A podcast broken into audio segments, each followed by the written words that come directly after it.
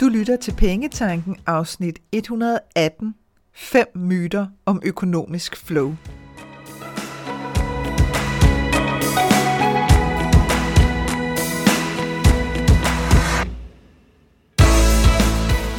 Velkommen til Pengetanken. Jeg hedder Karina Svensen.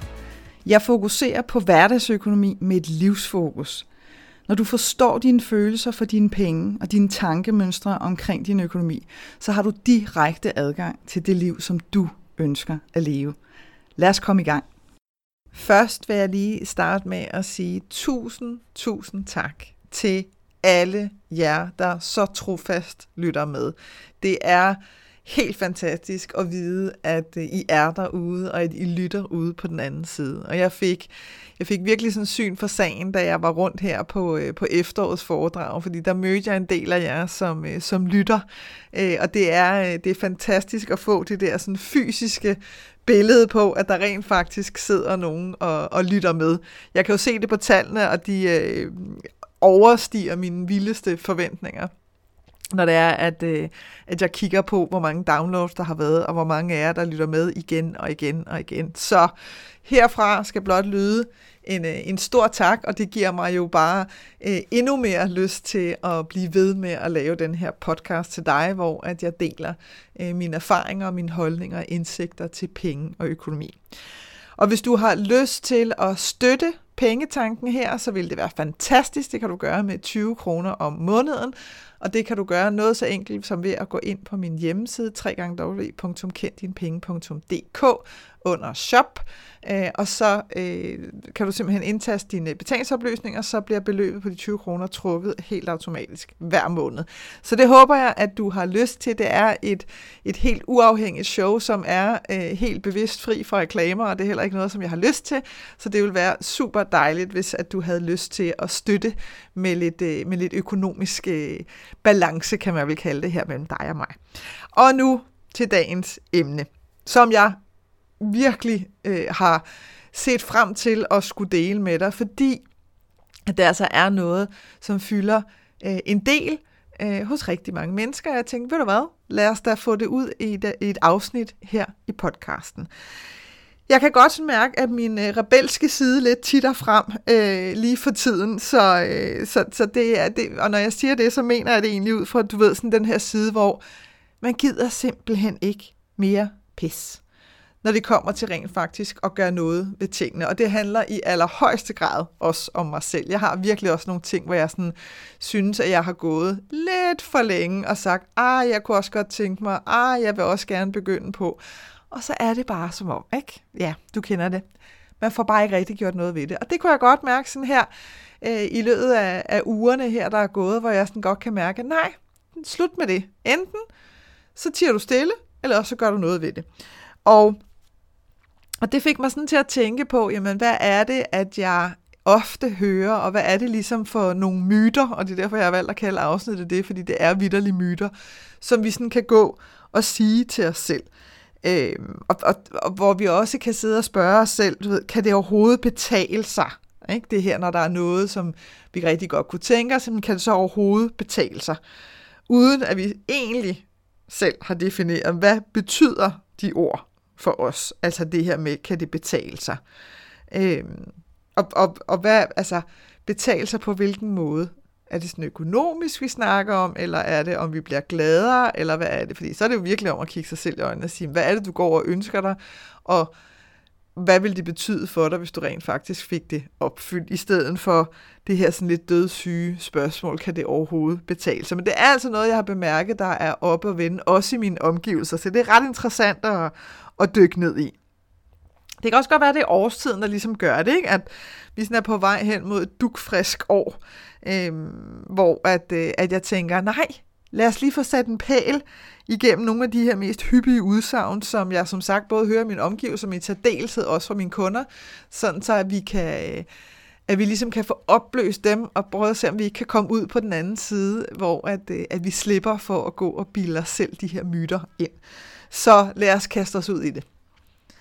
Myte nummer et. Når jeg får mere tid, så gør jeg det. Ja, altså, jeg har i hvert fald været skyldig i den rigtig mange gange. Faktisk så vil jeg våge den påstand, at det nærmest er en livslektion for mig. Øh, og det har jeg også omtalt i, øh, i tidligere podcast-afsnit. Altså det her med at simpelthen føle, og jeg har alt for mange ting til, at det her, det kan jeg simpelthen ikke afsætte tid til. Men har du så ikke også bare lagt mærke til det interessante i, at så nogle gange, så kan der være en ven, eller veninde, eller et familiemedlem, der lige pludselig spørger dig om, kunne du tænke dig, om det så at se den her biograffilm, eller tage med til det her arrangement, eller tage med på den her weekendtur, eller hvad det nu end kunne være. Og lige pludselig, lige pludselig, så har du tid. Eller rettere sagt, så prioriterer du tiden. Så det er sådan et fantastisk skalkeskjul at få gemt os bag det her med, ah, hvis jeg havde mere tid, så ville jeg helt klart gøre det. Fordi faktum er, nej, det ville du ikke. Fordi du får ikke mere tid. Det hele det handler helt seriøst om, at du kommer til at give dig selv den tid, som du sådan desperat går og håber på, at du får forærende. Hvis det virkelig er noget, der er vigtigt for dig. Og jeg ved godt, det er super irriterende sagt. Jeg kan mærke, at jeg også selv bliver lidt irriteret på mig selv, når jeg sidder her og siger det, men det er jo bare for pokker så filerens rigtigt. Og som sagt, tro mig, jeg har oplevet det her masser af gange, og oplever det stadigvæk, så jeg ved udmærket godt, hvordan det føles. Nogle siger, at tid er penge. Jeg siger, tid er oplevelser. Tid, det er der, hvor at dine drømme bliver omsat til virkelighed. Og egentlig er tid jo et fuldstændig fantastisk fænomen for os mennesker at opleve. Altså, bare det her med, at vi sådan er her nærmest ikke til at have den her oplevelse. Så det her forsøg på at nærmest degradere, degradere tiden til noget så ordinært som penge, det er jo ikke bare super begrænset, men det er også helt vildt vanvittigt kedeligt i virkeligheden. Din tid er værdifuld, så jeg har sådan lyst til at sige, brug den nu for pokker på noget, som virkelig betyder noget for dig. Og så skab de her magiske øjeblikke, som kun kan ske, når du tør sige, her er jeg, jeg er klar, og nu gør jeg det. Personligt, der øh, valgte jeg, nu kan jeg ikke engang, jeg kan ikke engang huske, hvilken forbindelse nu. Det kan være, jeg har sagt det i et tidligere podcast-afsnit, men på et tidspunkt, så fik jeg i hvert fald lyst til sådan at definere tre ord til at, at hjælpe mig lidt med at fastholde Ja, det, altså det, jeg nærmest har lyst til at sige, det er jo mit fokus i livet. Det lyder så højdragende på en eller anden måde, men, men faktisk er det ikke desto mindre det, der er tilfældet. Og de ord, som ligesom lå helt naturligt for mig, det er frihed, indre ro og eventyr.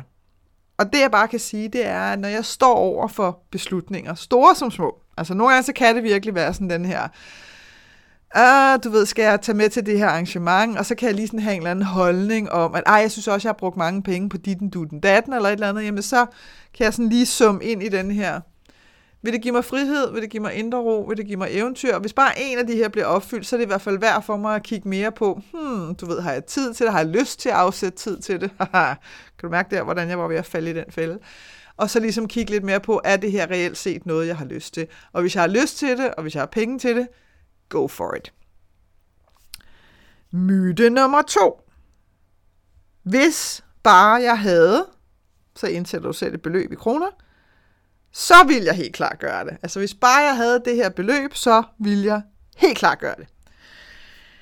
Det her, det kan nærmest virke lidt indlysende for, fordi, hvad kan man sige, hvordan kan du gå efter noget, hvis ikke du har pengene til det? Og det er her, at det er vigtigt for mig at forklare dig tingens rækkefølge. Og man kan sige, det, øh, sådan et, et nærtstående eksempel, der kommer op for mig, det er, det er meget nyligt, det er, at øh, bog nummer to simpelthen vil skrives nu. Der er ikke noget at gøre. Den står simpelthen og presser sig på og siger, jeg er klar til at blive skrevet. Og hvis du tænker bog nummer to, hvad fanden snakker du om, Karina? Har du skrevet en bog? Så har jeg skrevet bogen Money Makeover Mindset, Skab et liv med penge nok, som udkom i maj 2020. Og den kan du hapse inde på hjemmesiden www.kenddinepenge.dk. Jeg sender lige nu fragtfrit i hele Danmark, så det er værd at tage med, hvis det er, at du tænker, den skal jeg da lige have fingrene i. Men som sagt, så stod jeg simpelthen, eller står meget aktuelt i den situation, at bog nummer to, den skal skrives. Og jeg var helt med på, at jeg også havde lyst til at udgive den her bog selv. Og det har jeg lyst til, fordi at jeg øh, ikke har lyst til at afgive nogen som helst rettigheder til, til hverken bog eller noget som helst andet til andre. Og det er typisk det, man kommer til, hvis det er, man går igennem øh, et forlag. Plus, at, øh, at jeg også begyndte at grave lidt i, jamen, hvad sker der egentlig? Hvad, hvor meget gør forlagene? Hvor meget forventer man, at forfatteren selv gør? Der kunne jeg godt se, okay, jeg vil under andre omstændigheder gøre alt det, jeg kan for min bog, så hmm, kan det betale sig også at afgive så stor en del af lavkagen, hvad angår penge, der måtte komme ind på bogen. Så, summa summarum, selvudgivelse. Og selvudgivelse er bare ikke gratis, altså som i på ingen måde. Og nu kommer det selvfølgelig også an på, på hvilket niveau man har lyst til at gøre det. Da jeg udgav min første bog, der var jeg helt klar på, at at det her skulle gøres ordentligt, og derfor så valgte jeg også at sammensætte et dybt professionelt team, lige fra øh, redaktører til grafiske designere, til professionelle korrekturlæser, til ordentligt trykkeri, øh, lækker papir osv. osv. Det var super vigtigt for mig, at du som læser sidder med et gennemarbejdet, professionelt, øh, personligt, autentisk produkt. Og det er enten heldigvis med på den fedeste vis, så det er jeg super glad for, og derfor skulle det altså også ske den her gang. Udfordringen er jo bare, at det koster et shitload af penge, og så kan man sige, at alt er selvfølgelig relativt, men lad mig sige det sådan, med et professionelt team og lydbog og så videre ind over, jamen så ender vi altså relativt hurtigt på sådan et sekscifret beløb. Øhm, og da den her bog ligesom kommer op og siger, woohoo, kunne det ikke være super sjovt, hvis, øh, hvis vi to vi lige satte os ned, og jeg lige blev skrevet, jamen der sad jeg ikke med det beløb på min konto. Altså, som i overhovedet ikke, og jeg havde heller ikke lige, det lå ikke sådan lige i kortene, at jeg lige ville få skrevet øh, det beløb sammen i løbet af et par uger eller et par måneder. Så Øh, jeg kunne selvfølgelig godt bare have tænkt, Åh, jeg giver det over til universet, og så tænker jeg, så kommer det helt af sig selv. Øh, så nu begynder jeg bare at booke på livet løs, og så krydser jeg fingre for, at, øh, at pengene når at lande, inden den første regning skal betales. Sådan fungerer jeg simpelthen ikke i mit hoved. Det kan jeg lige så godt sige. Altså, jeg ville have fået mylder bag, undskyld udtrykket, hvis jeg havde gjort det. Men det, jeg var villig til at gøre, det var at ligesom sige, okay, hvad kan jeg gøre nu, uden at, øh, at det sådan er at den her, hvad skal man sige, økonomiske forpligtelse, som jeg ikke er sikker på, at jeg har pengene til, eller hvornår jeg får penge til, jeg skal nok få dem, øh, men, men hvornår jeg får dem i forhold til den udgivelsesdato, jeg gerne vil have. Så hvad kan jeg gøre nu? Og der var der mit første skridt, det handlede ligesom om, at jeg kunne i hvert fald booke et møde med min redaktør, og så sige til hende, øh, jeg har den her bog, hvad siger du til det? Hvordan lyder øh, denne her idé? Så, så det her med at turde tage skridtet, uden at, øh, at, det, øh, at det betød, at jeg sådan skulle slagte min økonomi overhovedet, men jeg sådan kunne begynde at træde hen imod det. Og efter jeg havde holdt møde med hende, jamen, så kunne jeg jo også selv foretage nogle yderligere skridt med at undersøge diverse ting, og ligesom gå i gang med at få en struktur på plads osv., uden at det kostede noget andet end min tid. Så det var ret interessant at ske det her med, at stille og roligt efterhånden, som jeg sådan arbejdede med tingene, og jeg begyndte at tale med nogen og sige det højt, jamen så begyndte pengene simpelthen at stemme til. Så nu er det endt med, at bog nummer to er et faktum. Den kommer, øh, der, er, der er midler til det, som der skal være, og, øh, og jeg glæder mig sindssygt meget til at skrive den. Og så kan man sige, jamen nu, hvad så, hvad skete der, hvad skete der, hvordan, øh, hvordan kom de her penge til, og det er, øh, synes jeg, for mig en dyb personlig sag, men lad mig bare sige, det var i hvert fald på en måde, som jeg på ingen måde havde regnet ud selv. Øhm, og det er bare tit det, der sker, hvis det er, at vi tør tage de her første skridt hen af vejen.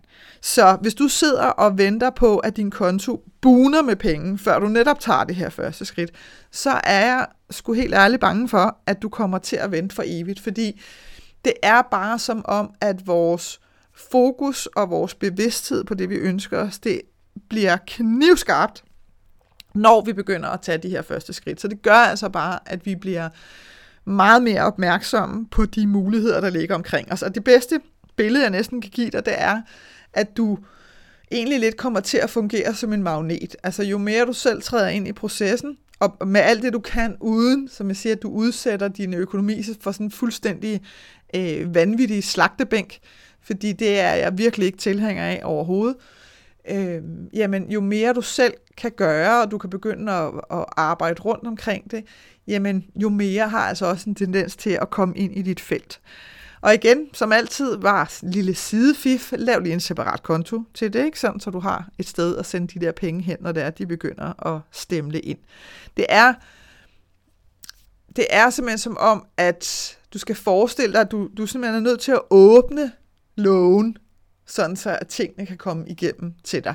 Hvor at hvis vi bare sidder og tænker, jeg skal skaffe det her beløb, det her beløb, det her beløb, det her beløb, og, og så bliver det det, vi fokuserer på, og så er det altså meget nemt at komme på de her tanker, som hedder, hvordan har du tænkt dig at skaffe det? Det er jo fuldstændig vanvittigt, det kommer du aldrig til. Du, hvis du skulle skaffe det via dit arbejde, hvis det for eksempel er der, hvor du tænker, ah, at kunne tage nogle overvejstimer, så kommer du til at knokle og selv solen sort. Altså vi, vi kommer simpelthen til at lukke af for, at der kunne også godt komme penge en anden vej fra. Altså det kunne rent faktisk godt lade sig gøre. Og ofte, hvis vi er åbne for det, så kommer det altså fra nogle kanter, hvor man bare tænker, wow, den havde jeg ikke set komme. Og det var vidderligt, det der skete i min situation. Altså det var på ingen måde noget, som jeg overhovedet havde kunne regne ud på forhånd. Myte nummer tre. Det ville være noget helt andet, hvis jeg var gældfri. Og jeg kan jo godt forstå, denne her tanke om, at det kan være forførende at være gældfri. Og med gældfri, der taler jeg ikke engang om det her med, at du kan have gæld, som, som er forfalden, men som du ikke har betalt. Det kan bare være gæld i almindelighed, altså du har et boliglån, du har et billån, du ved, sådan helt almindelig, øh, helt mainstream lån, som jo trods alt er gæld, fordi du skylder nogle penge til nogen. Øh, og, og der kan vi godt sidde sådan og tænke, Åh! Tænk nu hvis, så, du ved, så kender du tænk nu hvis, ikke? der er simpelthen en årsag til, at, at Lotto lavede den i en reklame, det genialt set i virkeligheden, men, øh, men tænk nu hvis, den tanke, ikke? tænk nu, hvis jeg var gældfri, tænk bare på alle de ekstra penge, jeg vil have, og, t- og så vil jeg gøre det, ikke? så kommer den. Men jeg bliver bare nødt til at sige, sådan er det bare ikke. Beklager, I'm sorry. Hvis du har haft gæld det meste af dit liv, så kræver det en større tilpasning af din bevidsthed, end bare at blive gældfri, for i virkeligheden at kunne opleve den frihed, du kan mærke, at du sådan tænker, hvad en kæmpe frihed, hvis ikke jeg havde gæld. Det vil simpelthen kræve en større justering af din bevidsthed, end bare at blive gældfri. Fordi hvis ikke du arbejder med den her følelsesmæssige tilpasning til din nye virkelighed, hvis du nu faktisk stod nu og var gældfri, jamen så vil der være ret stor sandsynlighed for, at du inden for virkelig kort tid ville skaffe dig selv ny gæld. Og så kan man tænke, hvorfor i alverden skulle jeg dog gøre det? Er du bimlende vanvittig griner? Nej, det er jeg ikke, men det der bare ofte sker, det er, at hvis vi har været i en situation i rigtig, rigtig lang tid, altså flere år, for eksempel har haft gæld, så vil det være voldsomt for os at skulle møde en ny version af os selv uden gæld, med mindre at det er noget, der er sket stille og roligt. Sådan så, at det er sket naturligt. Du ved, sådan, så det ikke lige pludselig er sådan buff, og så fra den ene dag til den anden, fuldstændig uventet, så stod du gældfri. Fordi alene det, at, at situationen med gæld, hvis det er det noget, du har stået i længe, simpelthen bare vil være mere tryg for dig jamen så vil du øh, med stor sandsynlighed gå ud og skaffe dig ny gæld for at komme tilbage i den tryghed. Og hvis det så er sket organisk, altså stille og roligt, at du har fået betalt gælden ud, og så kan det være, at du har fået lidt større pengebeløb, hist og pis, men det har på en eller anden måde måske også været naturligt, eller også har du i hvert fald vendet dig til det, jamen så har dit, jeg har næsten lyst til at sige, så har dit nervesystem så stille og roligt justeret sig til det, så du vil ikke have den der øh, Øhm, kæmpe store følelse af sådan, nu er mit liv for evigt forandret, og jeg vil føle mig fri altid. Sådan er det simpelthen ikke. Du vil stå i den situation, og du vil tænke, det her gjorde basalt set ikke den store forskel at blive gældfri. Og det kan jo lyde sådan lidt pessimistisk og sådan lidt ævm, så det er jo ikke særlig fedt. Jo, det er, det er super cool, men det er også bare for at, at fortælle dig, og grund til at sige, at det er super cool, det er selvfølgelig fordi, at du kan, du kan sende dine penge i, i retning af noget, som du virkelig har lyst til at opleve, eller noget, du virkelig har lyst til at eje og købe. Men det er også bare for at sige til dig, at tit så kan vi blive nærmest skuffet over, at vi ikke får den der, du ved, sådan det store festfyrværkeri og øh, champagnepropper og Bahamas-ture og alt muligt, og bare tænke, woohoo, nu er jeg simpelthen totalt i vatter og balance, og intet kan røre mig, og mit liv herfra bliver simpelthen det nemmeste i hele verden. Fordi, hmm, sorry, honey, din indre øh, termostat vil altså udligne sig selv relativt hurtigt, og så vil du bare stå i en ny situation, bevares, hvor der er færre konti i din netbank, men rent følelsesmæssigt vil der ikke være den store forskel. Og det kan jeg roligt tillade mig at udtale noget om, fordi jeg har prøvet det og står og gældfri i dag. Så, så jeg kan bare sige til dig, at og det skete relativt organisk. Så, så, så det her med, øh, at den her forestilling, vi kan have, og, og jeg havde det selv sådan bagefter, hvor jeg sådan tænkte, okay, wow, det var da sådan rimelig en fuser på en eller anden måde. Ikke? Da det sådan gik op for mig, wow, du er faktisk gældfri nu. Mm-hmm. Og gør det nogen forskel rent følelsesmæssigt? No. Øh, har jeg stadigvæk bekymringer omkring økonomi? Yep. Øh, har jeg stadigvæk frygtbaserede tanker indimellem, og bare tænker, oh no, hvordan skal det gå? Yep. Så de der ting forsvinder altså ikke bare, bare fordi, at der ikke er lån i banken længere. Så det her med, det ville være noget helt andet, hvis jeg var gældfri. Sorry, doesn't work. Myte nummer 4. Hvis jeg bare var bedre til at spare. Og lad mig lige sige det sådan her. Inden at du lytter videre, så synes jeg lige, vi skal være helt ærlige over for hinanden. Sådan bare dig og mig imellem. Hvis du elsker at spare, altså det her med, at du kan mærke, at du bliver helt glad i låget. Ikke? Hver gang, om det så er en 10 eller 5, og det er sådan set ligegyldigt. Du bliver oprigtigt talt glad. Der er simpelthen øh, bobler i maven øh, på den fedeste måde, og du går og smiler resten af dagen. Så for guds skyld, altså, continue. Men hvis du helt ærligt bliver lidt træt over at føle, at åh, jeg burde også bruge tiden på sikkert at undersøge tilbud og begynde at tænke i, lave de her store portioner, så kan vi fryse dem ned. Problemet er bare, at vi får aldrig spist det igen, fordi så får jeg lavet alt for meget, og man gider at spise øh, spaghetti bolognese i virkelig mange uger i streg. Øhm, jamen, hvis det er den følelse, du har, så, så handler det jo ikke om at spare, fordi så vil det at spare på ingen måde være en fornøjelse, og det vil sige, at i stedet for at være en fornøjelse, jamen, så vil det komme til at handle om, at du mangler penge, altså du vil have den her følelse af, at, at jamen, jeg har ikke råd til at købe de her ting, fordi jeg er nødt til at spare, øh, fordi ellers så kommer min økonomi aldrig i balance. Og så er du lige pludselig røget ud af en helt anden tangent, som er mega ufed, og jeg kan se, at det virkelig er, er en af de fælder, som en del altså ryger i derude, fordi der er så mange sparetips, som folk deler med hinanden. Og som jeg siger igen, super fedt, hvis det er, at du har stor fornøjelse af det. Men hvis du godt kan mærke, at det begynder at tippe over i den her, ej, vi burde også gøre det sådan, vi burde også lave madplaner, vi burde også købe stort ind, vi burde også bare, bare, bare, bare, bare, bare, bare, bare, burde, jamen så ender du altså op med en mangelfølelse, i stedet for egentlig at sidde og tænke, hey, øh, nu bruger jeg mine penge på en anden måde. Og lad mig give dig et eksempel på det, fordi hvis du nu for eksempel øh, kun havde lyst til at arbejde tre dage om ugen. Øh, og det virkelig var sådan et oprigtigt stort ønske for dig, fordi at du har nogle andre ting, som du også godt kunne tænke dig at bruge din tid på. Jamen, så vil det ikke være så svært for dig at træffe de her sådan såkaldte svære beslutninger, som for eksempel at købe noget mindre at bo i, og revurdere, om kan det betale sig for dig at have bil, kan det ikke betale sig for dig at have bil, på hvilken måde skulle du have bil, hvis, det, hvis du skal have en bil.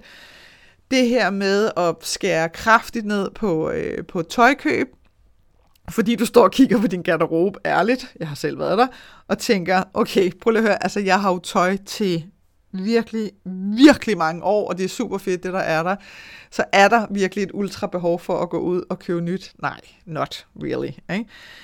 De her beslutninger vil bare ikke være svære for dig at træffe. Det vil være noget, hvor nogle af dem er større, som jeg selv siger, hvis det er sådan en overvejelse af, kunne du tænke dig at bo i noget mindre? Det var det for mit vedkommende. Der kunne jeg bare mærke på, at jeg gider simpelthen ikke at gå og blæse så mange penge af på bolig. Jeg har lyst til at opleve øh, nogle andre ting nu. Mine prioriteter har ændret sig. Jeg vil gerne noget andet nu, så jeg har lyst til at bo i noget mindre, som for øvrigt også er hyggeligere. Det er så bare mig øh, og bruge mine penge anderledes. Så, og det var ikke svært, det var ikke sådan, at jeg tænkte, oh Oh my god, nu skal jeg flytte, og du ved, kæmpe drama overhovedet. Det var helt naturligt at sige, hmm, nå, men lad os prøve at gå ud og se, hvad er der derude, og er der noget, som, øh, som tiltaler. Så det var sådan en meget stille og rolig proces. Øh, og det er sådan, det er, hvis der er noget, du kan mærke, du virkelig godt kunne tænke dig, så er du villig til at træffe de der beslutninger uden, og det er jo det, der er fantastisk, uden at du sidder med følelsen af, at du mangler. Altså, at du er nødt til at gøre det, fordi så mangler du penge. Øh, og det gør også, at du ikke blæser dine penge af på alt muligt knald. Ikke? Fordi de der, de der tendenser, de, de bliver nærmest stoppet automatisk, fordi nu har du ligesom indstillet dit fokus på noget, du rigtig godt kunne tænke dig. Så det er simpelthen for at sige, at det afhænger jo rigtig meget af dit eget perspektiv og dit mod til at være 100% ærlig over for dig selv. Fordi hvis du virkelig sidder og ønsker dig noget, jamen så vær villig til at træffe de prioriteringer, som føles naturligt for dig. Og nogle af dem kan bare være sådan noget, Gud, det har jeg faktisk aldrig tænkt på. Eller, nå, må man godt det? Du ved, må man godt ligesom flytte? Må man godt øh, flytte til en anden bolig? Jeg ved, det kan være rigtig svært for, øh, for mange, der er forældre, specielt hvis det er, er børnenes barndomshjælp. Øh, og jeg må ærligt sige, at ofte så er det min fornemmelse, at det faktisk er, er sværere for forældrene, det her med, det er jo børnenes barndomshjem, end det er for børnene. Altså, det, det, det er oftere der, balladen ligger, end at det gør øh, hos, øh, hos børnene. Så tør være 100% ærlig over for dig selv, og så være villig til at træffe de prioriteringer, som, som føles naturligt for dig. Myte nummer 5. Hvis jeg selv kunne bestemme, så vil jeg. Og så indsætter du selv, hvad det er, du har lyst til. Jeg kan virkelig godt genkende denne her følelse selv fra tidligere i mit liv, fordi der var der rigtig mange ting, som jeg virkelig godt ville gøre anderledes. Jeg havde bare ligesom ikke rigtig følelsen af, at jeg selv var, var i kontrol over min tid i virkeligheden. Jeg følte, at jeg var ret afhængig af andre mennesker. Og så var det, det begyndte at gå op for mig, og for mig har jeg også bare fundet ud af, at det er meget sjældent sådan de her aha-øjeblikke, så det er i hvert fald, det kan godt føles sådan, du ved, jeg tidligere, så har jeg, så har jeg haft den der følelse af, at nogen har taget sådan en rullegardin, og så flaffet det op, du ved, så det har stået der øh, og rullet rundt om sig selv, øh, og så har jeg ligesom kunne se skriften på vinduet, men det jeg også bare ved nu, man bliver så klog efterhånden, som man bliver ældre, det er, at det jo har været en ubevidst proces i lang tid før da.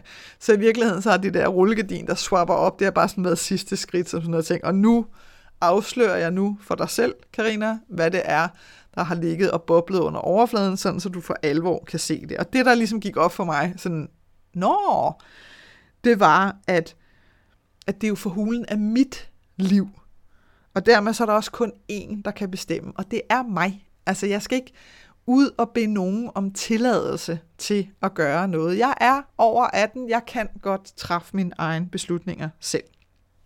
Og med den erkendelse, der kommer der også et ansvar. Fordi når først vi har forstået det, så skal vi jo også forstå og acceptere, at der ikke kommer nogen og gør det for dig. Altså der kommer ikke nogen og gør noget for dig. Øh, der er ikke nogen, der kommer og redder dig eller din økonomi, hvis det er, den trænger til en ordentlig oprydning eller opgradering.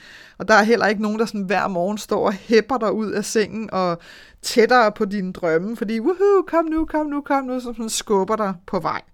Her, der har du kun dig selv at kigge i øjnene hver evig eneste dag. Og jeg har lyst til lige her at tilføje, og heldigvis for det. Fordi prøv at tænke på, hvis du var afhængig af alle mulige andre, for at kunne gå efter dine drømme. Hvor død sygt vil det så være, hvis de her alle mulige andre bare ikke gjorde det, som du mente, at de skulle gøre, sådan så at du kunne komme i gang med dit liv i virkeligheden. Hvor nitte ville det være? Så jeg har sådan lyst til at, at opfordre dig til at, at møde dig selv med sådan et fast blik i øjnene, i en vidshed om, at du har alle de ressourcer inde i dig, som du skal bruge. Så brug dem nu for pokker. Så den her sætning, hvis jeg selv kunne bestemme. Stop den der, når den kommer op, og så sige, hey ho, vent lige lidt. Nå ja, det kan jeg, så nu gør jeg det. Og det er simpelthen de fem myter. Så hvis jeg lige skal rise op igen, fordi jeg sidder altid selv. Kender du ikke det, når man sidder og lytter til et eller andet, og så siger de punkt nummer 18, så tænker man, shit mand, hvad var de der 17 andre punkter? Dem har jeg glemt. Så myte nummer 1, det er, at når jeg får mere tid, så gør jeg det. Myte nummer 2, hvis jeg bare havde det her beløb, så vil jeg helt klart gøre det. Myte nummer 3, det ville være noget helt andet, hvis jeg var gældfri. Myte nummer 4, hvis jeg bare var bedre til at spare. Og myte nummer 5, hvis jeg selv kunne bestemme, så ville jeg. Og her afslutningsvis, så vil jeg lige henlede din opmærksomhed på, at Money Makeover-forløbet 2022 starter her til januar, og der er åben for tilmeldinger nu. Det, der er vigtigt, når du skal overveje, hmm, kan vide, om det her det er noget for mig, det er at vide, at i det her forløb, der kommer du altså hele vejen rundt omkring din økonomi. Og det, jeg synes, der er mega fedt i al beskedenhed, det er to ting. For det første, så arbejder du med din økonomi direkte under forløbet. Så det er altså ikke noget med, at du tilegner dig en hulens masse viden, og så skal du først i gang med det bagefter, fordi det kan man virkelig kun blive træt i lampen af. Ikke? Den anden fede ting, det er, at jeg er med dig på mail support hele vejen. Så hvis der opstår nogle spørgsmål, eller du lige har lyst til at have en dialog omkring et eller andet, hvor du sådan har nogle tanker, som du godt kunne tænke dig lige at få spejlet op imod mig, jamen så er jeg altså med på mail support hele vejen igennem forløbet. Og du kan læse alt om det inde på www.kenddinepenge.dk. Jeg håber, at det her afsnit fra Pengetanken har været med til at inspirere dig til at skabe et liv for dig selv med penge nok til det, som du ønsker dig.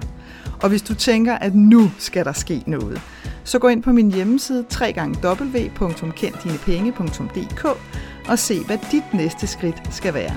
Vi høres ved.